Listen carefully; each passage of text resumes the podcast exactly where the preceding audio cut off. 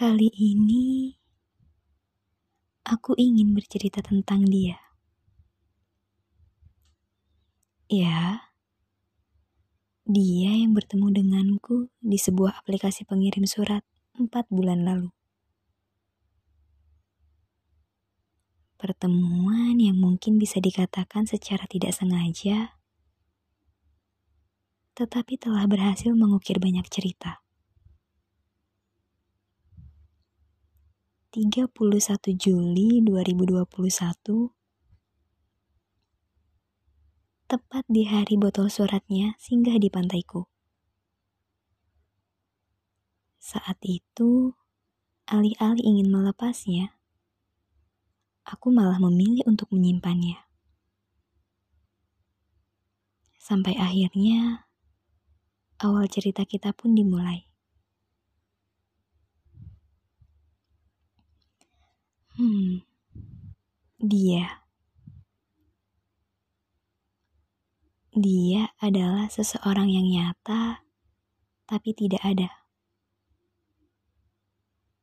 Dia adalah seseorang yang terpaut jauh denganku, baik dari jarak maupun waktu. Dia adalah seseorang yang awalnya asing, kemudian jadi tak asing, hingga akhirnya kembali menjadi asing. Dan bisa kukatakan, dia adalah teman lawan jenis pertama yang kumiliki. Walaupun bukan pertama yang kutemui. Entah ini perasaan apa, aku sendiri pun tak bisa menjawabnya. Tetapi saat pertama bertemu, aku merasa dia berbeda. Mengapa? Karena aku orang yang tidak mudah membagi ceritaku kepada orang lain. Tetapi dengannya, kita, maksudku aku dan dia, bisa bercerita tentang banyak hal mulai dari hal kecil, besar, penting, dan bahkan hal-hal yang tidak penting. Aku akui kehadirannya di hidupku membawa warna dan cerita baru.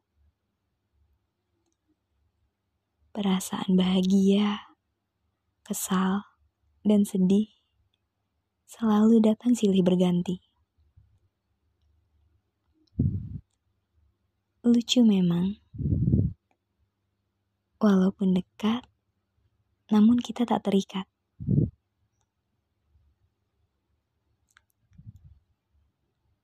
Aku tahu ini bukan kebetulan.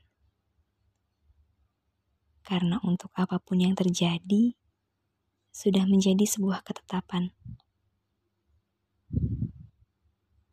Tetapi ada satu hal yang tak bisa kupahami.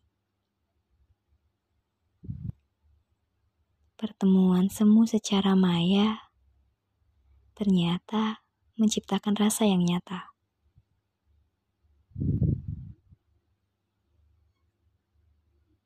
Dan benar kata pepatah bahwa mungkin dia hanya bercanda. Seharusnya aku tertawa, bukan terbawa perasaan. Dan untukmu, entah kamu mendengarnya atau tidak, aku ingin mengucapkan terima kasih untuk puluhan hari, ratusan jam, dan ribuan detiknya.